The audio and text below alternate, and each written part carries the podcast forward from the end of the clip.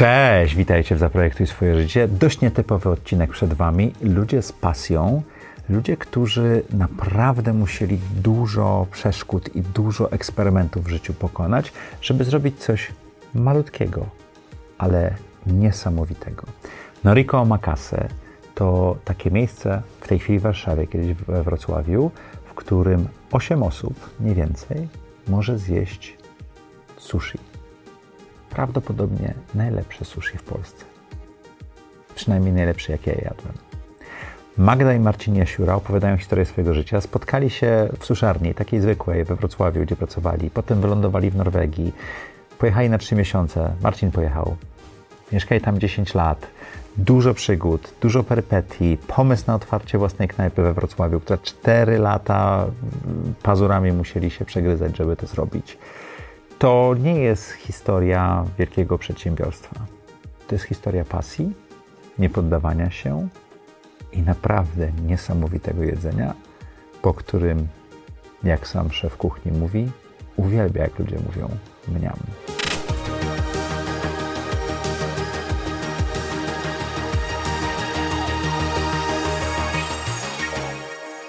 Cześć! Witajcie w kolejnym odcinku audycji Zaprojektuj swoje życie – jeżeli jesteś tutaj pierwszy raz, koniecznie dajcie nam lajka, zostawcie jakiś komentarz. Sztuczna inteligencja to lubi, a my lubimy sztuczną inteligencję, bo ona poszerza nam zasięgi.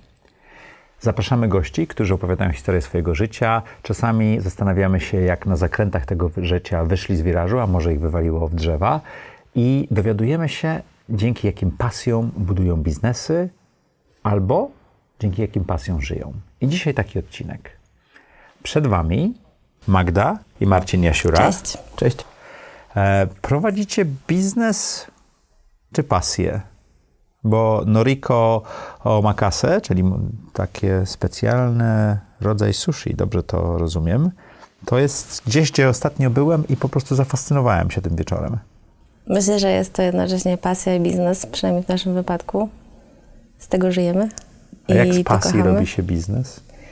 Myślę, że Marcin najlepiej nam powie, bo od niego ta cała pasja wyszła. Po przyjeździe z zagranicy, bo mieszkaliśmy niespełna 10 lat prawie za granicą. E, no i tam się uczyłem fachu e, i znaczy uczyłem się fachu. No pojechałem zarobić troszkę, no bo tutaj akurat... E, Zagranica to była Norwegia, tak? Tak, byliśmy w Norwegii. Najpierw mieszkaliśmy w Trondheim przez prawie 5 lat i później wyprowadziliśmy się do Oslo, bo no, zmiany, chcieliśmy zmian po prostu. Wiadomo, dochodzisz do pewnego momentu, że e, czegoś już masz za dużo i chcesz spróbować po prostu na, jakby na innej płaszczyźnie, w większym mieście, poznać nowych ludzi, zobaczyć, co jeszcze jesteś w stanie ciekawego zrobić, zdobyć, osiągnąć. E, no i to tak pierwsze pięć lat miałem fajną pracę, no bo pojechałem do znajomego w odwiedziny w sumie. I, do restauracji?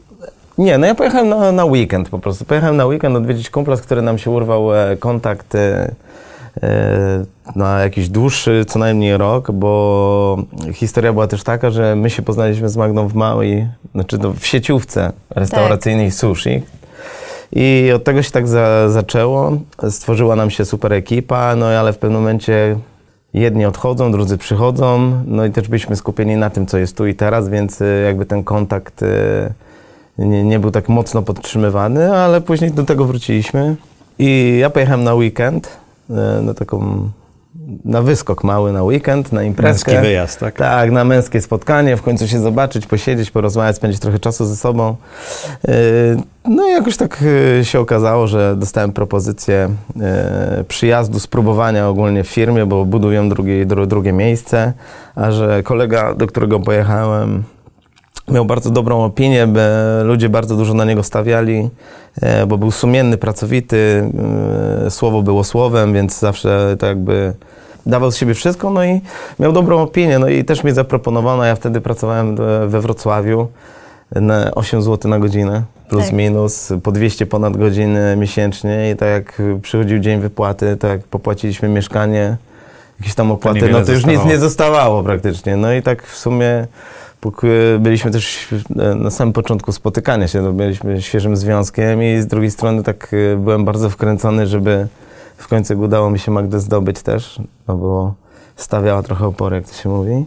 To, to wszystko fajnie się nałożyło, mi było bardzo dobrze też tutaj. Czas, y, jaki mieliśmy razem był y, między nami też super i nie chciałem po prostu tego zepsuć, bo jakby nie wierzyłem, że to da się utrzymać związek na odległość.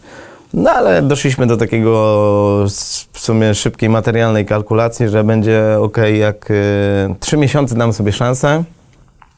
I jak się uda, to się uda, a jak nie, no to, no to trudno, nie? W sensie, że to wrócę, tak. Magda, jak ty jak znalazłaś się w gastronomii? E, studiowałam e, równocześnie z Marcinem, tylko e, ja studiowałam finanse e, i e, miałam ofertę e, pracy właśnie dorywczej e, w restauracji i tak naprawdę tam się poznaliśmy. studiów? W czasie studiów, Okej. tak. Myślę, że to chyba była nasza najfajniejsza praca. Te pierwsze prace zawsze są bardziej e, prawie praktycznie spędzaniem e, czasu wolnego niż, niż pracą zarobkową. Super ekipa. No i jak Marcin wyjechał e, za granicę e, na te próbne trzy miesiące, Które trwało 10 lat. Które trwały 10 lat, to e, udało mi się akurat obronić i stwierdziłam, że okej, że w sumie to jest też cza, fajny czas, żeby e, zwiedzić e, inny kraj, poznać inną kulturę. No i wtedy był ten właśnie moment na Trondheim, czyli północ Norwegii. Co was bardziej zaskoczyło, najbardziej zaskoczyło w Norwegii? Pogoda. Myślę, że mnie najbardziej, mnie najbardziej zaskoczyło to, że e, ludzie, którzy pracują e, w takich e, może powiedzmy to mniej ambitnych zawodach, jakie są postrzegane w Polsce, jak miał bycie kelnerem, e, bardzo poważnie traktują tą pracę nawet w momencie, kiedy e, są e, studentami i są, jest to praca dorywcza.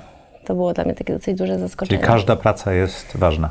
Tak, i, i to, że będąc tam e, na dowolnym zawodzie, e, praktycznie wszyscy mogą sobie pozwolić na zagraniczne e, wakacje. No bardzo komfortowe życie, bym No powiedział. bo Tak. to jest, tam wszystko jest drogie, więc wyjeżdżając z Norwegii wszędzie jest taniej No, zazwyczaj, nie? Początkowo- Tak, jeszcze jedna rzecz nas bardzo zaskoczyła, e, czyli, e, czyli to, że e, jest, są tylko określone godziny e, zakupu alkoholu e, w Okej. sklepie. Czego nauczyła cię ta praca w Trondheim, a potem w Oslo? E, żeby się nigdy nie poddawać, żeby nigdy nie odpuszczać. Zawsze, no. Jak ja pojechałem, no to wiadomo, angielski znałem głównie z kreskówek, e, z Cartoon Network i, i z bajek i z filmów, ale bariera, naucz, no bariera tego, żeby mówić z innymi to jest jedno, dwa, stres przed tym, co, co się może wydarzyć, stres jakby się coś stało, nie stało, ale też y, pokazała mi, że trzeba być otwartym do ludzi, e, robić swoje i nigdy nie słuchać tego, co e, inni ci mówią, tylko to, co ty chcesz, tak, co ci gra tutaj w środku. A jak to można zrobić pracując dla kogoś? E, najpierw trzeba pomyśleć o tym, e, co ty dajesz, żebyś mógł, e, co ty dajesz, żeby później, później móc e, oczekiwać od innych. Okej. Ten A skąd pomysł na przeprowadzkę do Oslo? E, No to u mnie się tak stało bardziej w pracy, że przyjaciel mi złamał po prostu serce i ja no, jak taki typowy samuraj powiedziałem, że nie, nie, nie będę mógł tego po prostu znieść i z jednej strony też e, pracowaliśmy już 5 lat w jednym miejscu. E, ja po prostu się honorem uniosłem mocno i no, poprosiłem Magdę, żebyśmy zrobili zmianę jakąś taką, bo no, ciężko będzie mi pracować w miejscu, które zbudowałem od, e, zbudowałem praktycznie od, e, od samego początku. Miałem przyjemność budowania, a później się to tak stało. I to też e, myślę, że jakbym był trochę bardziej dojrzalszy, to może by się ta sytuacja in- inaczej skończyła, może, może jakoś inaczej, no ale też tak emocjonalnie do tego podszedłem bardzo i e, w sumie e, też byliśmy świeżo po, po tym, jak zostaliśmy rodzicami i tak jakby szukaliśmy czegoś takiego nowego, świeżego też, nie? No i tak postanowiliśmy, że spróbujemy uderzyć to Oslo. No i pojechaliśmy tak e, na Ale już próbę. miałeś tam jakąś pracę? Nie, nie. Ja tak pojechałem po prostu ja tylko jeszcze uporządkuję to wszystko e, a, propos te, a propos tytułu e, Zaprojektuj swoje życie. Mhm. E, my zaczęliśmy projektować nasze życie tak naprawdę e, w momencie, kiedy w 2019 roku otworzyliśmy nasze pierwsze Noriko Sushi e, We we Wrocławiu. Tak. Do, myślę, że do tego momentu to po prostu rządził nami e, cały czas jakiś przypadek i zdarzenia losowe. O, no, tak. E, więc e, tutaj. E, ale chyba pierwsza styczność w ogóle z Omakase e, była w Oslo. Może wytłumaczycie, co to jest omakase, bo to, to jest coś, co nie jest w Polsce popularne jeszcze chyba. No, omakase Albo można wręcz przy- znane, nie? Tak, no ja bym wytłumaczył omakase jako e, chef choice, czyli to, co ci e, kucharz chce e, zaserwować, czyli jego wizja na najlepsze rzeczy, które ma akurat e, dostępne, bądź menu tastingowe, albo tak jak jest e, stuprocentowo tłumaczenie e, przez japoński, oddaj mi się w, e, oddaj, oddaję się w twoje ręce, a ty daj mi to, co masz najlepszego, nie? I I to jest bardzo popularne w Japonii. to zaczyna być coraz bardziej, tak, w Japonii bardzo popularne. E, Tak naprawdę nie musi to ograniczyć tylko do kuchni japońskiej, Tak, bo mm, w sumie stosuje się ta definicja do, do wszystkich pozostałych. To troszeczkę jak w tych restauracjach topowych Michelin, gdzie masz takie tasting menu, w które wchodzisz i, Tak, i dokładnie. dostajesz coś takiego, tak? Nie do końca wiedząc, co tam będzie, tak? Tak, Mhm. dokładnie. To ja zaraz dojdę do tego, do, do gastronomii w Warszawie, we Wrocławiu i tak dalej, ale chciałem jeszcze tylko się dowiedzieć, co dało ci, co dały ci te wyjazdy do Japonii? No właśnie dzięki temu, że pojechałem do Japonii, to ja już wiedziałem, co chcę tak naprawdę robić. Bo O. jak ja pojechałem w ogólnie... Ale na jakieś szkolenie pojechałeś, czy? Nie, ja pojechałem, tak, ja pojechałem na konkurs, bo udało mi się zakwalifikować na e, World e, Sushi Cup, który się odbywał w Tokio. W 2000, byłem w 2017 i w 2018 drugi raz byłem. Dwa razy uplaso, e, uplasowałem się na 21 miejscu. Na światowym konkursie. No, Tak. no tak. To mi od razu pokazało, że ja w 100% przez te lata, które robiłem sushi, wiedziałem, jaką już decyzję podjąć, co ja będę robił do końca życia, czemu się poświęcę, co było dla mnie tak bardzo wyjątkowe, że jak na to patrzyłem, to aż zabierało mi dech w piersiach. I e, to się też stało dlatego, że w 2012 roku widziałem film Jiro śni o sushi. To jest e, film o najstarszym kucharzu świata, który stworzył omakase tak naprawdę. I to od niego się omakase wywodzi. I dla mnie ten film był tak mocno na mnie dużo emocji wywarł, że ja po prostu nie umiałem tego zrozumieć, jak w jednym miejscu ojciec z synem może pracować przez 40 lat, I kłócić się regularnie? kłócić się, ale robią najlepsze jedzenie świata i ludzie się no jakby nie są w stanie w pełni zrobić rezerwacji. No jak ja poleciałem na ten konkurs, odwiedziłem wiele miejsc, e, od blaszanych e, stoisk, przez Tsukiji markety, przez e, restaurację z gwiazdką, z dwoma gwiazdkami i widziałem po prostu to, co ja też chciałbym kiedyś zrobić, chociaż raz spróbować zrobić. Mhm. To Właśnie jest? w, takim, w, takiej, w takiej sekwencji. Co to jest? No omakase ogólnie, Mhm. ten styl omakase. I to wyglądało tak, że wszyscy siedzą i podziwiają tylko kucharza i oczekują od niego jak najlepszego jedzenia. Tego jakby tu, teraz, tego momentu. Ja też tego nie rozumiałem na początku, bo jak dostawałem jakieś e, małże, które trzeba było gryźć, e, które naprawdę miały tą chrupką strukturę, troszkę nawet e, trzeba było dłużej porzuć, na początku nie czułem takiego stuprocentowego jakby tej euforii tego wszystkiego, a wszyscy się zachwycali. No i dlatego zacząłem mocniej potem po tym powrocie zgłębiać właśnie opcje, co można dostać właśnie z seafoodu właśnie, bo jeszcze wtedy w Norwegii pracowałem. Co mogę dostać z tego seafoodu? E, Zupełnie odmiennego niż wszyscy, żeby tą gamę tworzyć, żeby to było inne i żeby to menu montować w zupełnie inny Czyli sposób. nie łosoś, tuńczyk i ryż, tak? Dokładnie.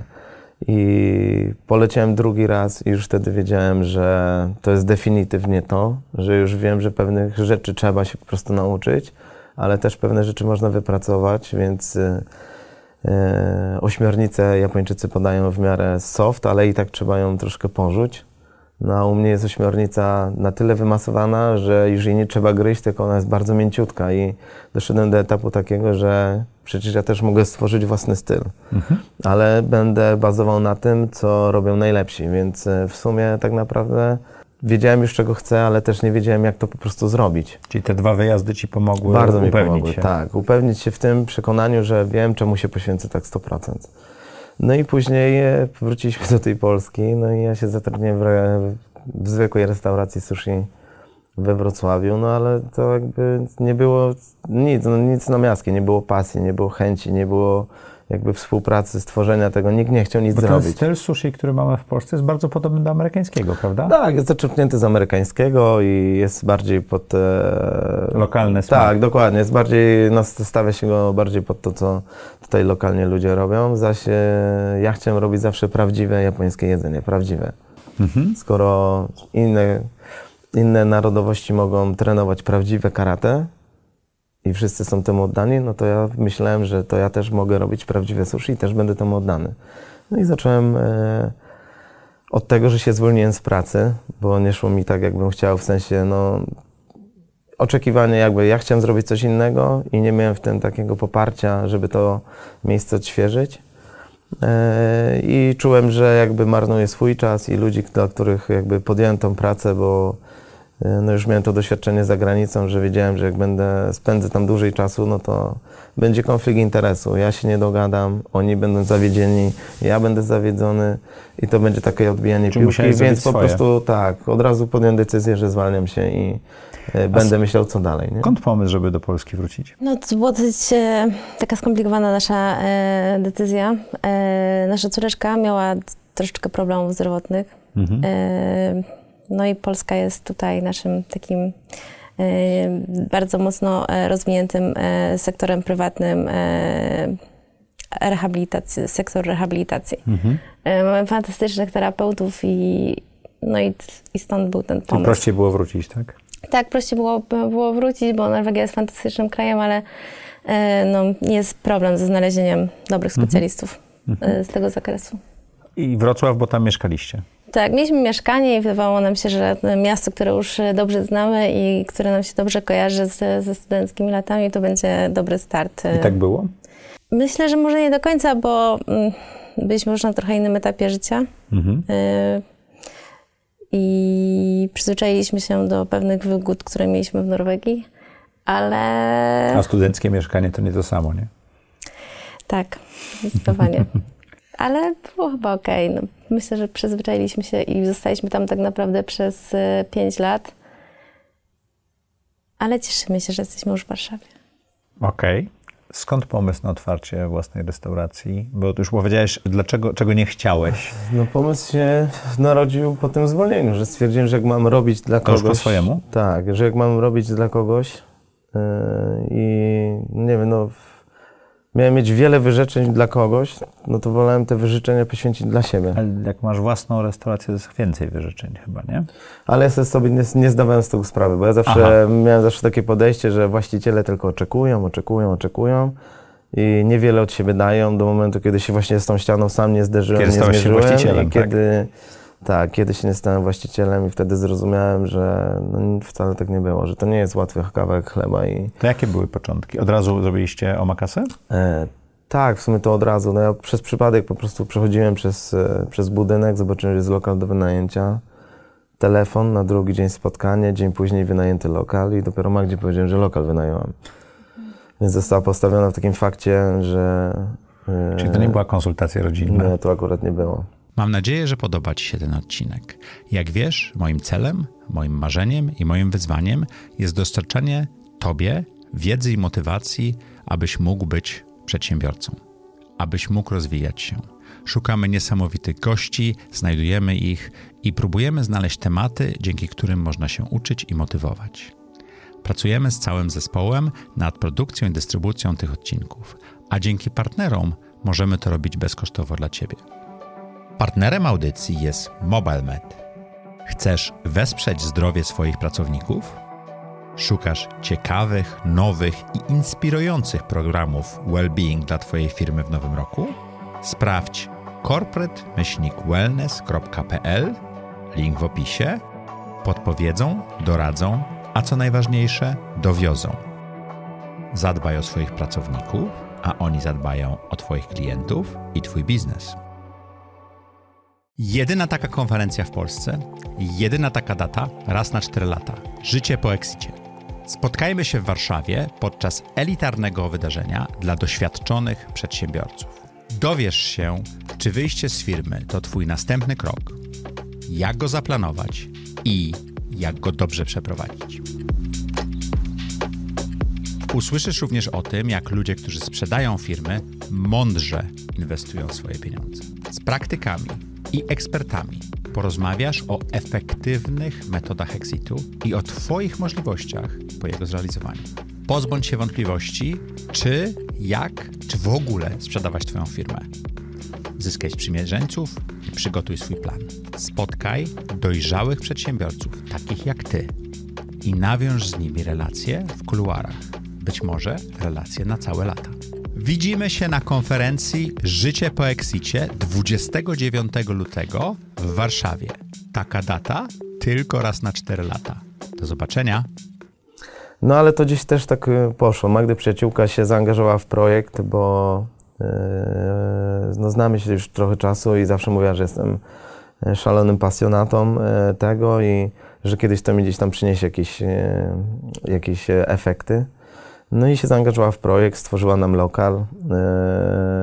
Ja w międzyczasie po prostu poszukałem opcji dla młodych przedsiębiorców, co mogę jeszcze, jakby gdzie mogę Wsparcie. dostać, tak, dostać odrobinę wsparcia, żeby to jakoś ruszyć. No i jak postawiliśmy, mam dwóch, przy, mam dwóch bardzo dobrych przyjaciół, braci, którzy są e, budowlańcami z mojego miasteczka, z którego pochodzę. Też się zaangażowali w ten projekt. e, No i postawili na ten lokal, no i wtedy dopiero się zaczęło, jak to, jak to ruszyć tak naprawdę, no bo w sumie jesteśmy we Wrocławiu. Nikt Długo nas nie słyszał. było, nikt o nas nie słyszał. Nikt nagle, nie wie, co to jest omakase. Tak, nikt nie wie, co to jest omakase. Nikt nie lubi, nikt nie lubi nigiri i sushi. Tak, większość Wszyscy- opinii gości to jest tak, że nikt nie lubi rolki. nigiri. Wszyscy a my- są futomaki, nie? Tak, Wszyscy jedzą futomaki, tak jest. A tu jest nagle Nie mamy 10-15 łososia. pozycji. Tak, Tak, na nie ma początku nie mieliśmy w łososia. ogóle łososia. E, nie serwowaliśmy w ogóle wina, tylko konsekwentnie serwowaliśmy Nie było tylko... pieczonego łososia z, e, Nie. z słodkim sosem, Nie. tak? Był po prostu tak zwana bieda, ryż, E, wasabi i ryba, nie? Nie Tak. dajemy, nie dajemy e, sosu sojowego. E, wszystko jest już od razu... Wasabi e, nie jest z proszku, tylko jest tarte na miejscu. Dokładnie, wasabi starte z proszku. Imbir był zawsze wydzielony w takich, e, w takich porcjach, żeby To jak sobie poradziliście? Czy pamiętacie pierwszy, pierwszy wieczór, pierwszy serwing? Ty już zacząłeś Pierwszy Ja, ja tylko jeszcze powiem, że mnie tam e, nie, Nie było. było. na serwisie w ogóle praktycznie przez, przez większość Wrocławia. E, Mhm. Marcin e, to budował sam. Okej. No ja tam miałem ludzi, którzy mm, byli i Pamiętasz pierwszy wieczór? Oczywiście, otworzyliśmy drzwi i czekaliśmy, aż ktoś przyjdzie. No i Ile tu mieliśmy przyszło? chyba, nie wiem, to było może jedna, dwie osoby, góra trzy. Pamiętam, że przez ten pierwszy okres nie zrobiliśmy e, więcej niż może z 500 zł dziennie. Dopiero po czterech latach złapałem pierwszy taki oddech, że mogłem Czyli- odetchnąć. Ale używaliście marketingu, czy to było... E, No tak, mieliśmy takie przeboje różne, z, zatrudnialiśmy firmy, no ale zawsze miałem taką zasadę, że trzy miesiące są na pokazanie Rezultatu. Tak. Jakby ile jesteśmy razem w stanie stwie- stworzyć, albo no ile jesteś w stanie dać też, nie? co Mhm. zrobić y, i no i zawsze na trzech miesiącach się kończyło, bo nigdy nie było takiej, nie czułem tego, no tego vibe'u takiego, że jesteśmy w stanie zrobić coś więcej i no i tak, no, nie było nic takiego w tych też mediach, które jakby y, my chcieliśmy stworzyć, no nie było tego wspólnego języka aż takiego, nie? co się stało po tych 3-4 latach, że już czułeś, że jest lepiej? E, No i wtedy e, po prostu no dwa lockdowny jeszcze przeżyliśmy przede wszystkim. No, I one mnie nie tak po pomogła prostu, restauracjom tak, w ogóle. I one mnie po prostu doprowadziły Bo do ty takiego... finansowałeś wszystko sam. Wszystko tak, wszystko Nie miałeś zaraz sam. inwestora. Nie, były tam pomysły, były próby, ale finalnie ja się rozmyśliłem z tego, bo miałem poczucie takie, że jak ktoś przez długi okres w ogóle nie dogląda, nie zapyta, nie, nie, nie zadzwoni, a wywiera na mnie presję podpisania umowy spółki, to stwierdziłem, że choćbym to miał, chodzi. choć, choćbym miał zginąć, to obronię to sam albo, albo razem z tym miejscem odejdę. Mhm. I tyle. Takie było moje myślenie, że nie, nie, nie oddam tego nikomu e, tylko w imię, w imię pieniądza, albo żeby od razu, nie wiem, no, żeby ten mój biznes wskoczył na zupełnie inny level i cieszę się, że się tak stało, bo doceniam teraz. e, Ale było trudniej. Bardzo trudno było. Nie było trudno, było bardzo trudno. Było bardzo trudno, było, było tak, że e, czasami to po prostu nawet spać nie mogłem. Wiadomo, no chodziłem po suficie, co tu zrobić, żeby nie wtopić. Dziecko jest, e, Mhm. jakieś tam inne obowiązki, które jednak, jednak były też takim mocnym priorytetem, bo to wiadomo, biznes można zamknąć, ogłosić upadłość, wyjechać za granicę i, od, no, i odklepać, i od, od, jakby się trochę odrobić, tak? I tam gdzieś też, też to miałem z jednej strony, że jak wypali, to to zrobię. Z drugiej strony, no, miałem dziecko i w momencie, kiedy już e, tak u mnie też to zaskoczyło, że to nie ma nic lepszego na świecie niż być tatą, niż się cieszyć tym wszystkim, no to mnie to po prostu taka jeszcze bardziej dym- motywacja do mnie weszła we mnie, żeby pokazać wszystkim, że jeżeli to jest dla kogoś wyjątkowe, no to, to zrobię to jeszcze bardziej wyjątkowe. I będę dążył tak, e, tak będę ciężko pracował i, i będę cały czas szukał tych rozwiązań i żeby ten seafood pozyskiwać jak najlepszy, żeby ludzie, którzy siedzą u mnie wiedzieli, że dałem zawsze z siebie 150%. Ale Noriko Sushi stało się miejscem, do którego się jeździ do Wrocławia w pewnym momencie. Tak, no, Nie tylko z Wrocławia. Tak, no początki, no mieliśmy, początki były trudne, no bo wiadomo, Wrocław nie rozumiał do końca, wszyscy mieli już tam swoje upatrzone knajpy, do których chodzili od lat, zamawiali na wynos, u nas było tylko na miejscu, trzeba się pofatygować, więc jakby zmiana struktury była. No ale później się, no jakoś tak e, przy pomocy e, ludzi, którzy gdzieś tam zajawkowo pisali sobie swoje blogi, e, którzy też zajawkowo jeździli po restauracjach, gdzieś tam poszło to, odbiło się to jakimś tam echem i nagle się okazało, że przyjeżdżają ludzie do nas z różnych części Polski zobaczyć, co tu się w ogóle dzieje i kto Czyli wpadł na taki szalony były. pomysł. Więc mieliśmy tak, czasami wycieczki. No i nie będę ukrywał, że no naszym jakby największą liczbą gości to była zawsze Warszawa, która przyjeżdżała, która jakby zupełnie to był inny rodzaj gości, nie? Bardziej, bardziej tacy świadomi tego też, no bo tu jednak jak teraz spróbowaliśmy tej Warszawy, no to już widać, że to są restauracje na poziomie, na poziomie światowym, że tutaj są inaczej kucharze e, te posiłki, te dania tworzą, że tu są inne ceny, tutaj inne są produkty przede wszystkim, tu są przede wszystkim inne możliwości, no ale też e, jakby no to jest też inna konkurencja tego To wszystkiego. skąd pomysł na przeniesienie do Warszawy? Doszliśmy do etapu, kiedy chcieliśmy więcej, Więcej czego? więcej, chcieliśmy się bardziej rozwijać, Ale w tej chwili macie 8 miejsc w E, restauracji. bardziej chodzi Marcinowi o produkt. A, o, większą jakość. Tak, chcieliśmy, chcieliśmy większą jakość, chcieliśmy się bardziej rozwijać. No i też e, chcieliśmy się, bynajmniej ja chciałem się mocniej zaznaczyć na, e, na mapie gastronomii, a wiedziałem, że wszyscy najlepsi topowi kucharze w kraju są głównie w Warszawie. Mhm. No jeżeli No, mamy chcesz być... E, poza tak, Warszawą. Oczywiście. E, No ale jeżeli chcesz być najlepszy, to musisz się obracać między najlepszymi. No i jest Warszawa. A ty zdecydowałeś się pracować razem. e, tak. E, myślę, że w Japonii to jest e, całkiem e, normalne, że Rodziny pracują razem. rodziny pracują razem, że małżeństwa pracują razem, e, że nie mają pracowników, tylko Mhm. są we dwójkę. Myślę, że w skali Polski jesteśmy jakimś ewenementem. Tak, to było zaskakujące, jak byłem u was.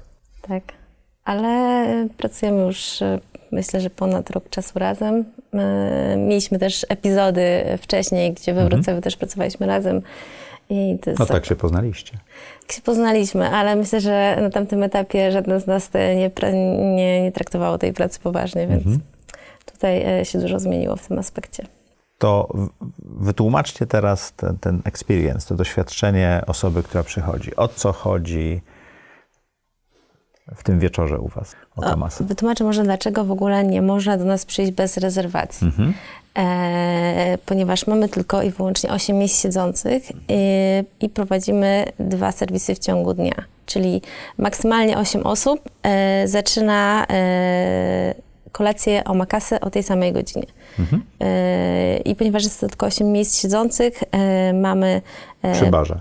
tak, mamy politykę pełnej przedpłaty, Mhm. która oczywiście przy odpowiednio wcześ- wcześniejszej rezygnacji jest w pełni zwracana. Ponieważ we Wrocławiu mieliśmy sytuację, kiedy e, rezerwacje e, nie przychodziły, Mhm. no a przy ośmiu miejscach jest to dla nas e, bardzo duża strata.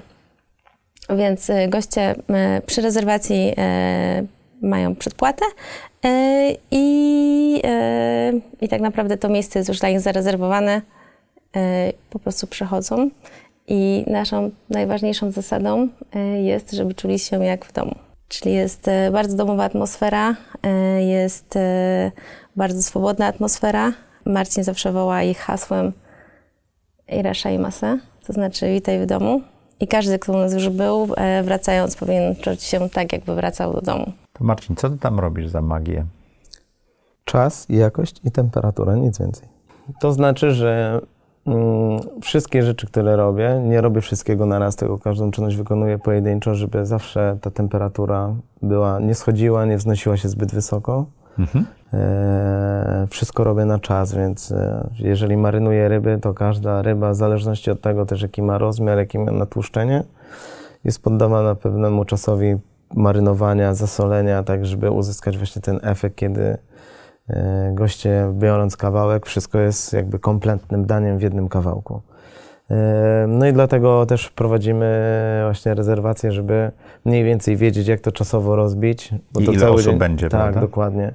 E, no i też, żeby można było te produkty zamawiać. No jakby mhm. wszystko, co mamy, w większości to jest w większości. No prawie wszystko to import, więc e, też są takie rzeczy, które e, no nie należą do najtańszych i też musimy jakby to logistycznie ogarnąć. Ja mówię, że wasabi jest hodowane w Polsce, tak? Jest. E, jest mamy sześć farm w Europie ogólnie. Jedną z nich jest, e, jedną z nich jest Polska, ale pracuję na japońskim. I co powoduje, że to doświadczenie jest tak dobre, dla, dla gości, a z drugiej strony, że ty możesz swoją pasję spełnić. Wydaje mi się, że może też indywidualność, którą oferujemy, że goście mają z jednej strony narzucone odgórnie e, rzeczy, które my serwujemy, a nie to, co mogą sami wybrać. No ale z drugiej strony też mamy to, że podjęcie decyzji, co zaserwować osobom, które pierwszy raz się w życiu widzi, jest dosyć, e, dosyć wymagające, stresujące, no ale... Dlaczego? E, no bo nigdy nie, nie No wiesz, bo się nie znamy. Tak, nie bo się nie znamy. Się.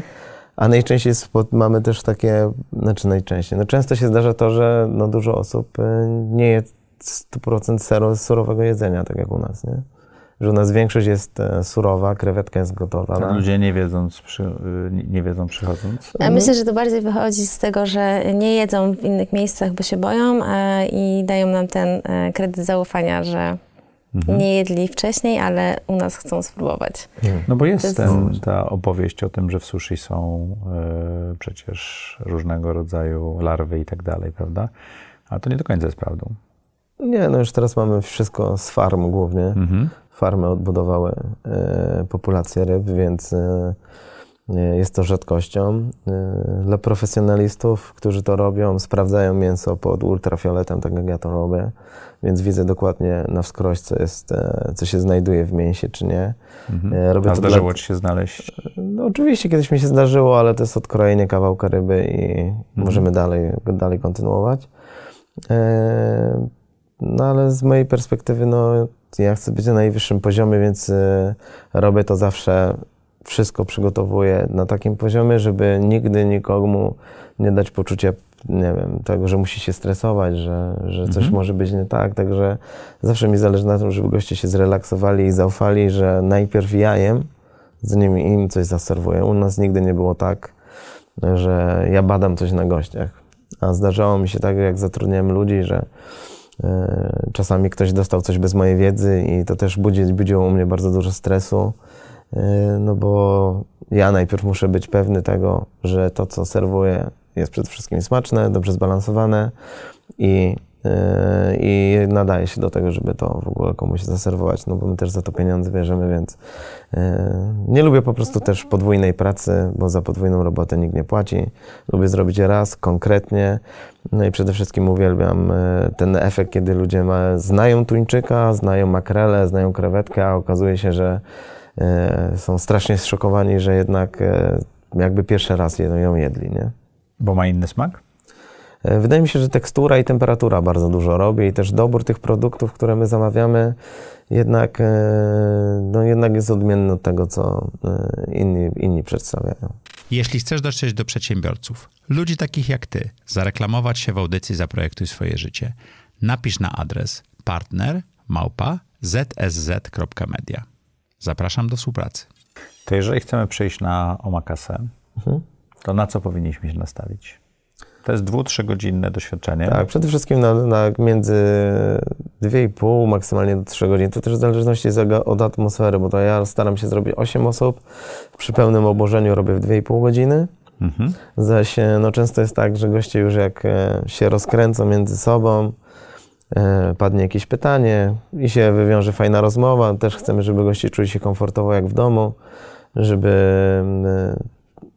jak wygodnie siedzisz, to się wygodnie je i, i ten serwis później się staje taki bardzo e, skrócony ten dystans. Ja goście czują się tak w miarę przyjacielsko, więc wydaje mi się, że to się troszkę też czasami rozciąga nawet ciut dłużej, no ale to wynika z tego, że jest, jest, jest o czym porozmawiać, że jednak goście też mają jakąś swoją historię, bo też jeżdżą e, po innych krajach, po innych kontynentach, więc też jakby doświadczyli czegoś i e, tym samym mogą też jakby e, skontrować to, co ja robię versus tego, co jest w Japonii, w Stanach Zjednoczonych i teraz coraz więcej tych miejsc się otwiera w Europie.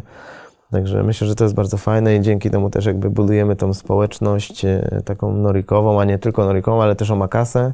No i też dajemy jakby dzięki naszemu konceptowi no już ten e, jakby zastrzyk e, albo nie, pole manewru do tego, żeby inni też widzieli, że można to robić, nie?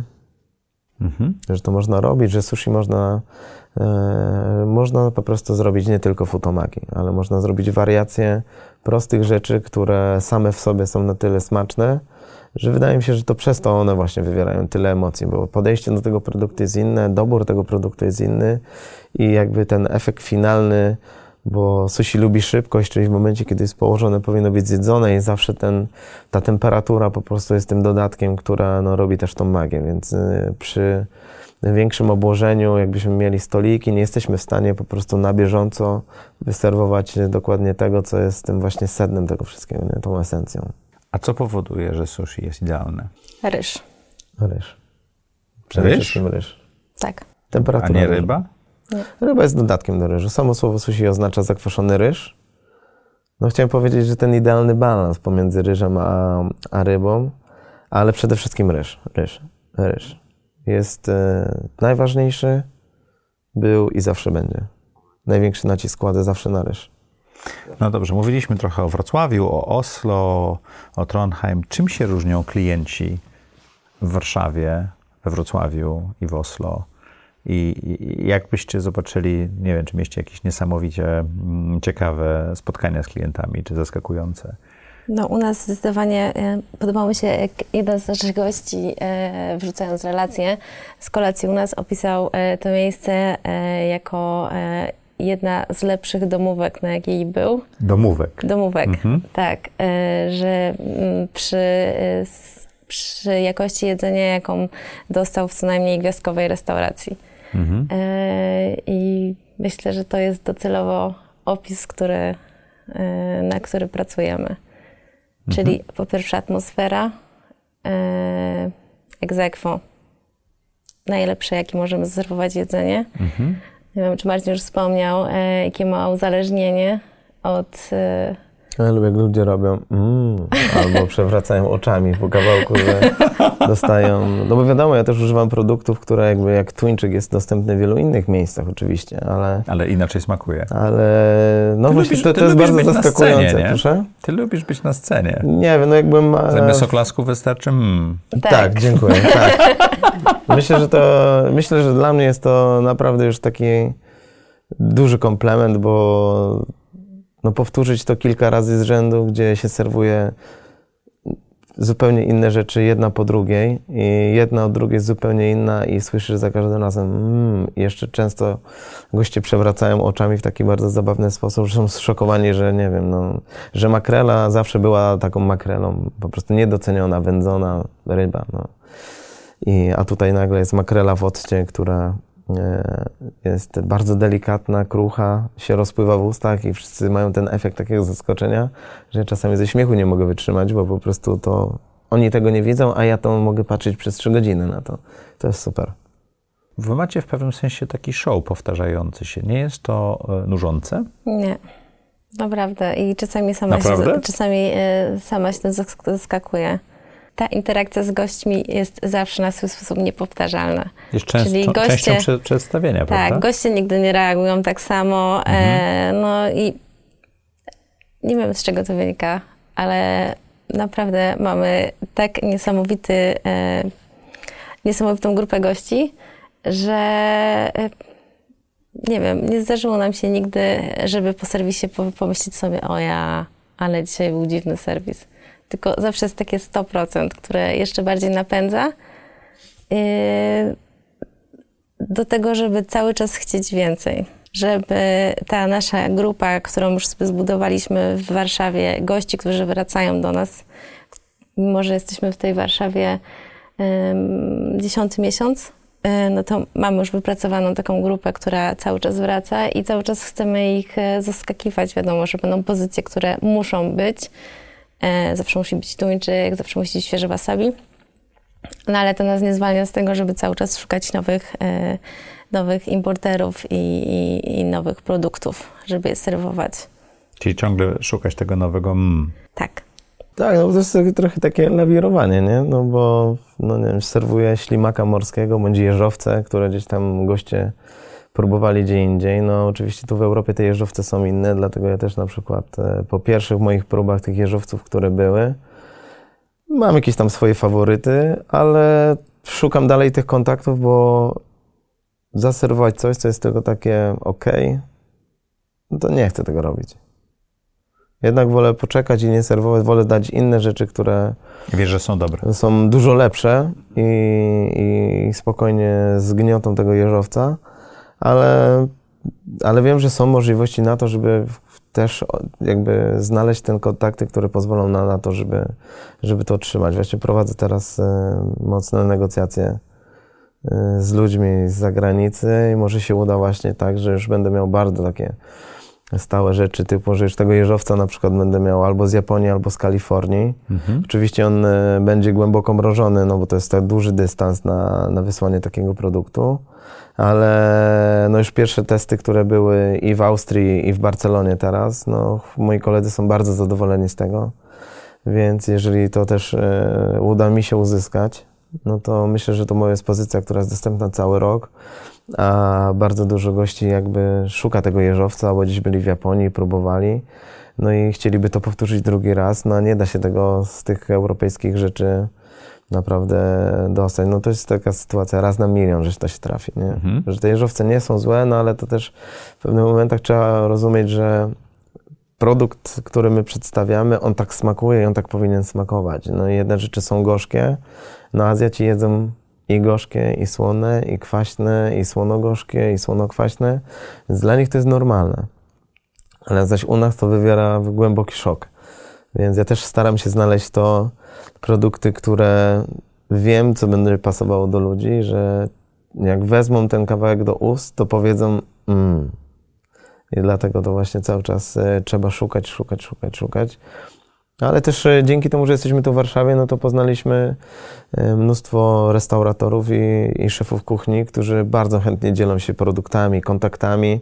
E, Ja też się tym dzielę, więc niektórzy nawet piszą do mnie, jakbym zrobił to albo jakbym zrobił tamto, ale jak też potrzebuję czegoś, no to też piszę, no bo jakby nie jestem wszystko wiedzący, a fajnie się współpracuje z innymi i też fajnie jest to poczucie, że jednak topowy szef kuchni z warszawskiej restauracji daje, daje ci powiedzmy wskazówkę na, na, na rzecz, która nie wiem, mogła, mógłbym na nią wpaść e, po jakimś czasie, a dostaję to tak od razu na tacy, co też jest wygodne i mogę dzięki temu od tego momentu już zacząć e, dalej się piąć, nie? A pogadajmy o biznesie, bo zajęło 4 lata Wam, żeby dojść do jakiegoś poziomu takiego bezpieczeństwa finansowego we Wrocławiu. W Warszawie po 10 miesiącach to już działa. Tak. Mhm. Tak. e, Pomogły te kontakty z, z osób, które były, przyjeżdżały do Wrocławia, które teraz są? Czy co spowodowało to? Myślę, że w pewnym sensie na pewno, ale e, no Marcin już zbudował sobie pewną pozycję Wrocławiem Mhm. e, i, i myślę, że na początku potrzebowaliśmy się rozkręcić. Praga myślę, że też była jakimś tam problemem w pewnym momencie. W Wrocławiu byliśmy w samym centrum. Mhm. E, przeprowadzając się do Warszawy wiedzieliśmy, że już nie chcemy drugi raz popełnić tego błędu. Dlaczego? Bo jesteśmy miejscem, do którego e, przyjedzie się e, wszędzie. A czy jesteście nie, miejscem docelowym, a Myślę, nie... że jesteśmy miejscem docelowym, a nie jesteśmy miejscem, do, do którego się wchodzi, bo się koło niego przechodzi. Mhm. E, I, I dlatego też zmieniliśmy nazwę w Noriko we Wrocławiu, nazywaliśmy się Noriko Sushi. E, Przeprowadzając się do Warszawy, już e, wiedzieliśmy, że to jest Noriko Omakase. Nie chcieliśmy, e, nie chcieliśmy, żeby goście przechodząc zakłócali, goście, którzy wchodzą do środka, Mhm. zapytać się o sushi na wynos, zakłócali tą całą naszą, nasz cały serwis z gościom, którzy biorą udział. Czyli ta. Mińska jest częścią takiego architektonicznego pomysłu na to, gdzie to ma być poza centrum. Tak, zdecydowanie. Mhm. A jak y, udaje Wam się utrzymać biznes, jeżeli macie tylko 8 miejsc? Bo restauracje jednak starają się być duże, żeby ta kuchnia mogła pracować. Im więcej stolików, tym lepiej to działa. Ja pamiętam, jak kiedyś rozmawiałem z, z siecią znanych kawiarni, żeby zrobić w niej studio do nagrywania podcastu i okazało się, że każdy metr kwadratowy kawiarni to jest ileś pieniędzy, które generuje, bo ludzie mogą siąść przy stoliku, napić się kawy, zjeść ciastko. A Wy jednak skupiliście się na takim domowym doświadczeniu, no ale to jest. y, To, to ma swoje ograniczenia, prawda? No, e, oczywiście, że e, skala, e, skala e, robi kasę. E, my się teraz skupiliśmy bardziej na tym, żeby zbudować jakość, e, żeby nie zgubić po drodze tej pasji, żeby się nie wypalić. No i też nie ukrywajmy, że przy robieniu mm, większych projektów, który e, myślę, że też w pewnym momencie e, będziemy chcieli zrobić, są potrzebni pracownicy. E, No i na razie nie widzimy za bardzo perspektyw na zbudowanie takiej bazy, więc chcemy, chcemy to jeszcze przeczekać i, i na pewno nie zrobimy niczego, jeśli chodzi o skalę, czego nie będziemy stuprocentowo pewni, że utrzymamy tą samą jakąś, którą mamy teraz. Doświadczenie omakase nie jest najtańszym doświadczeniem, jeżeli chodzi o sushi. Yy, Fotomaki można taniej kupić. Jak dużą częścią, tak biznesowo w tej chwili bardziej mówimy niż, niż artystycznie, jeśli pozwolisz, jak dużą częścią waszych kosztów jest lokal, jak dużą częścią waszych kosztów są e, składniki, jak dużą częścią, bo, bo eksperymenty też są tą częścią, że ty eksperymentujesz z różnymi składnikami, żeby zobaczyć, czy by były i one, te eksperymenty też kosztują, zanim, zanim Oczywiście. zaserwujesz. Jak dużo to jest część waszego tego Największą ekosystemu? częścią e, zdecydowanie jest e, koszt produktu. Produktu, Tak. nie e, lokalu. Nie. Okej. Zdecydowanie ryby, owoce morza, e, nawet e, wasabi. Wasabi, ile płacimy za kilogram? Od 1000 zł za To kilo. kłącze kosztuje Tak. 1000 zł Tak. za 1000 kilogram z tymi kilogram. liśćmi, które się tam y, nie zużywa. Tak. Nie, u liście też się pikluje. Ale teraz Aha. przez to, że ja też jakby używam ja tygodniowo, kilogram, kilogram wasabi idzie mi tygodniowo na 4 dni, czyli na 8 serwisów. I 1000 zł Tygodniowo. idzie na samo wasabi. Samo wasabi, tak. No, Okej. Tak, zawsze używamy najlepszej gradacji e, kawiora, kawioru Antoniusa. Tak. No i też pracujemy na, na, E. najlepszy, na najlepszej ikrze, jaka jest właśnie na Antoniusie, więc e, Korzystamy z trufli, z urbani. Myślę, że to są chyba takie. No i zdecydowanie ryby, które z wyjątkiem węgorza, który jest z Polski, wszystkie ryby i owoce morza importujemy. Tak. To wiemy, gdzie jesteście. Patrząc na to, gdzie byliście, to pewno jakieś pomysły są dalej? Jakie są wasze plany, pomysły, a może nawet marzenia? No moim marzeniem przede wszystkim jest e, stworzenie ma marketu rybnego bądź e, miejsca, które żyje cały tydzień. Mamy bezpośrednio dostawy, czy to samolotem. to gdzie, na południu Hiszpanii, czy gdzieś? Nie, tutaj w Warszawie. Warszawa, No, no Warszawa ty? to moje miasto. I Czyli będzie w Warszawie market rybny. Mam nadzieję, że to kiedyś się uda, e, bo tak naprawdę chciałbym, chciałbym stworzyć miejsce, które, gdzie e, można dostać e, seafood przeróżny. i wiem, że wszystko jest możliwe, bo marzenia są od tego, żeby, żeby do nich dążyć, żeby je spełniać. No a poza tym e, no, sushi jest też tak popularne i też e, ryby, które, na których ja pracuję, te egzotyki, wiem, że występują w innych miejscach, to dlaczego nie skrócić sobie tej drogi? A to taki market jak w Seulu, że idzie się do siateczki, się zbiera i potem idzie się do restauracji z tym, co się kupiło, żeby Exactly, zjeść? dokładnie tak. E, No mam nadzieję, że to się pojawi jak najszybciej. Chciałbym, żeby to się udało nam zrobić może w przeciągu przyszłych lat. pięciu lat, bo to nie wiadomo, co dalej będzie, ale myślę, że tak. Myślę, że tak, że dążę gdzieś tam do tego, żeby mieć właśnie też e, e, market, w którym albo tworzyć, stworzyć z kimś market, e, który właśnie da możliwość i nieograniczoną dostępność do, do seafoodu, bo tym samym ludzie, którzy mogą kupić ten produkt do domu, no budują swoją świadomość tego, że to też może to, co jedzą w restauracjach, dlaczego to tak, a dlaczego nie inaczej i że ta gama jest naprawdę szeroka i to można ściągać właśnie e, w prosty sposób, no bo też tutaj są e, deta- firmy no detalicznie, no ale można to zrobić na dużą skalę, więc e, e, marzenia są od tego, żeby je spełniać. A Magda, ty masz jeszcze jakieś marzenie tam? Czy to już Tak, jest moje- wystarczająco duże?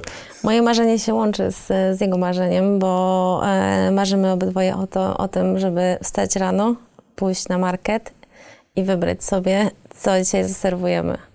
Okej. Bez, e, bez konieczności korzystania z pośredników i, I czekania tego. i wiedzenia, co przyjedzie albo nie. Tak, i tej e, delikatnej niewiadomej. Słuchajcie, co chcielibyście, żeby e, słuchacze i e, widzowie audycji Projektuj swoje życie zapamiętali z tej rozmowy? Ja bym chciała, żeby zapamiętali, że Najwspanialszą inwestycją jest inwestycja w siebie. Okej, to twoje, a Magda? tak, żeby się nie łamać, cokolwiek się nie stanie, bo jutro też jest dzień. Dziękuję Wam ślicznie. Dziękuję serdecznie. Dzięki. I dziękuję Wam. Jak co tydzień, w czwartek o czwartej zapraszam do audycji Zaprojektuj swoje życie.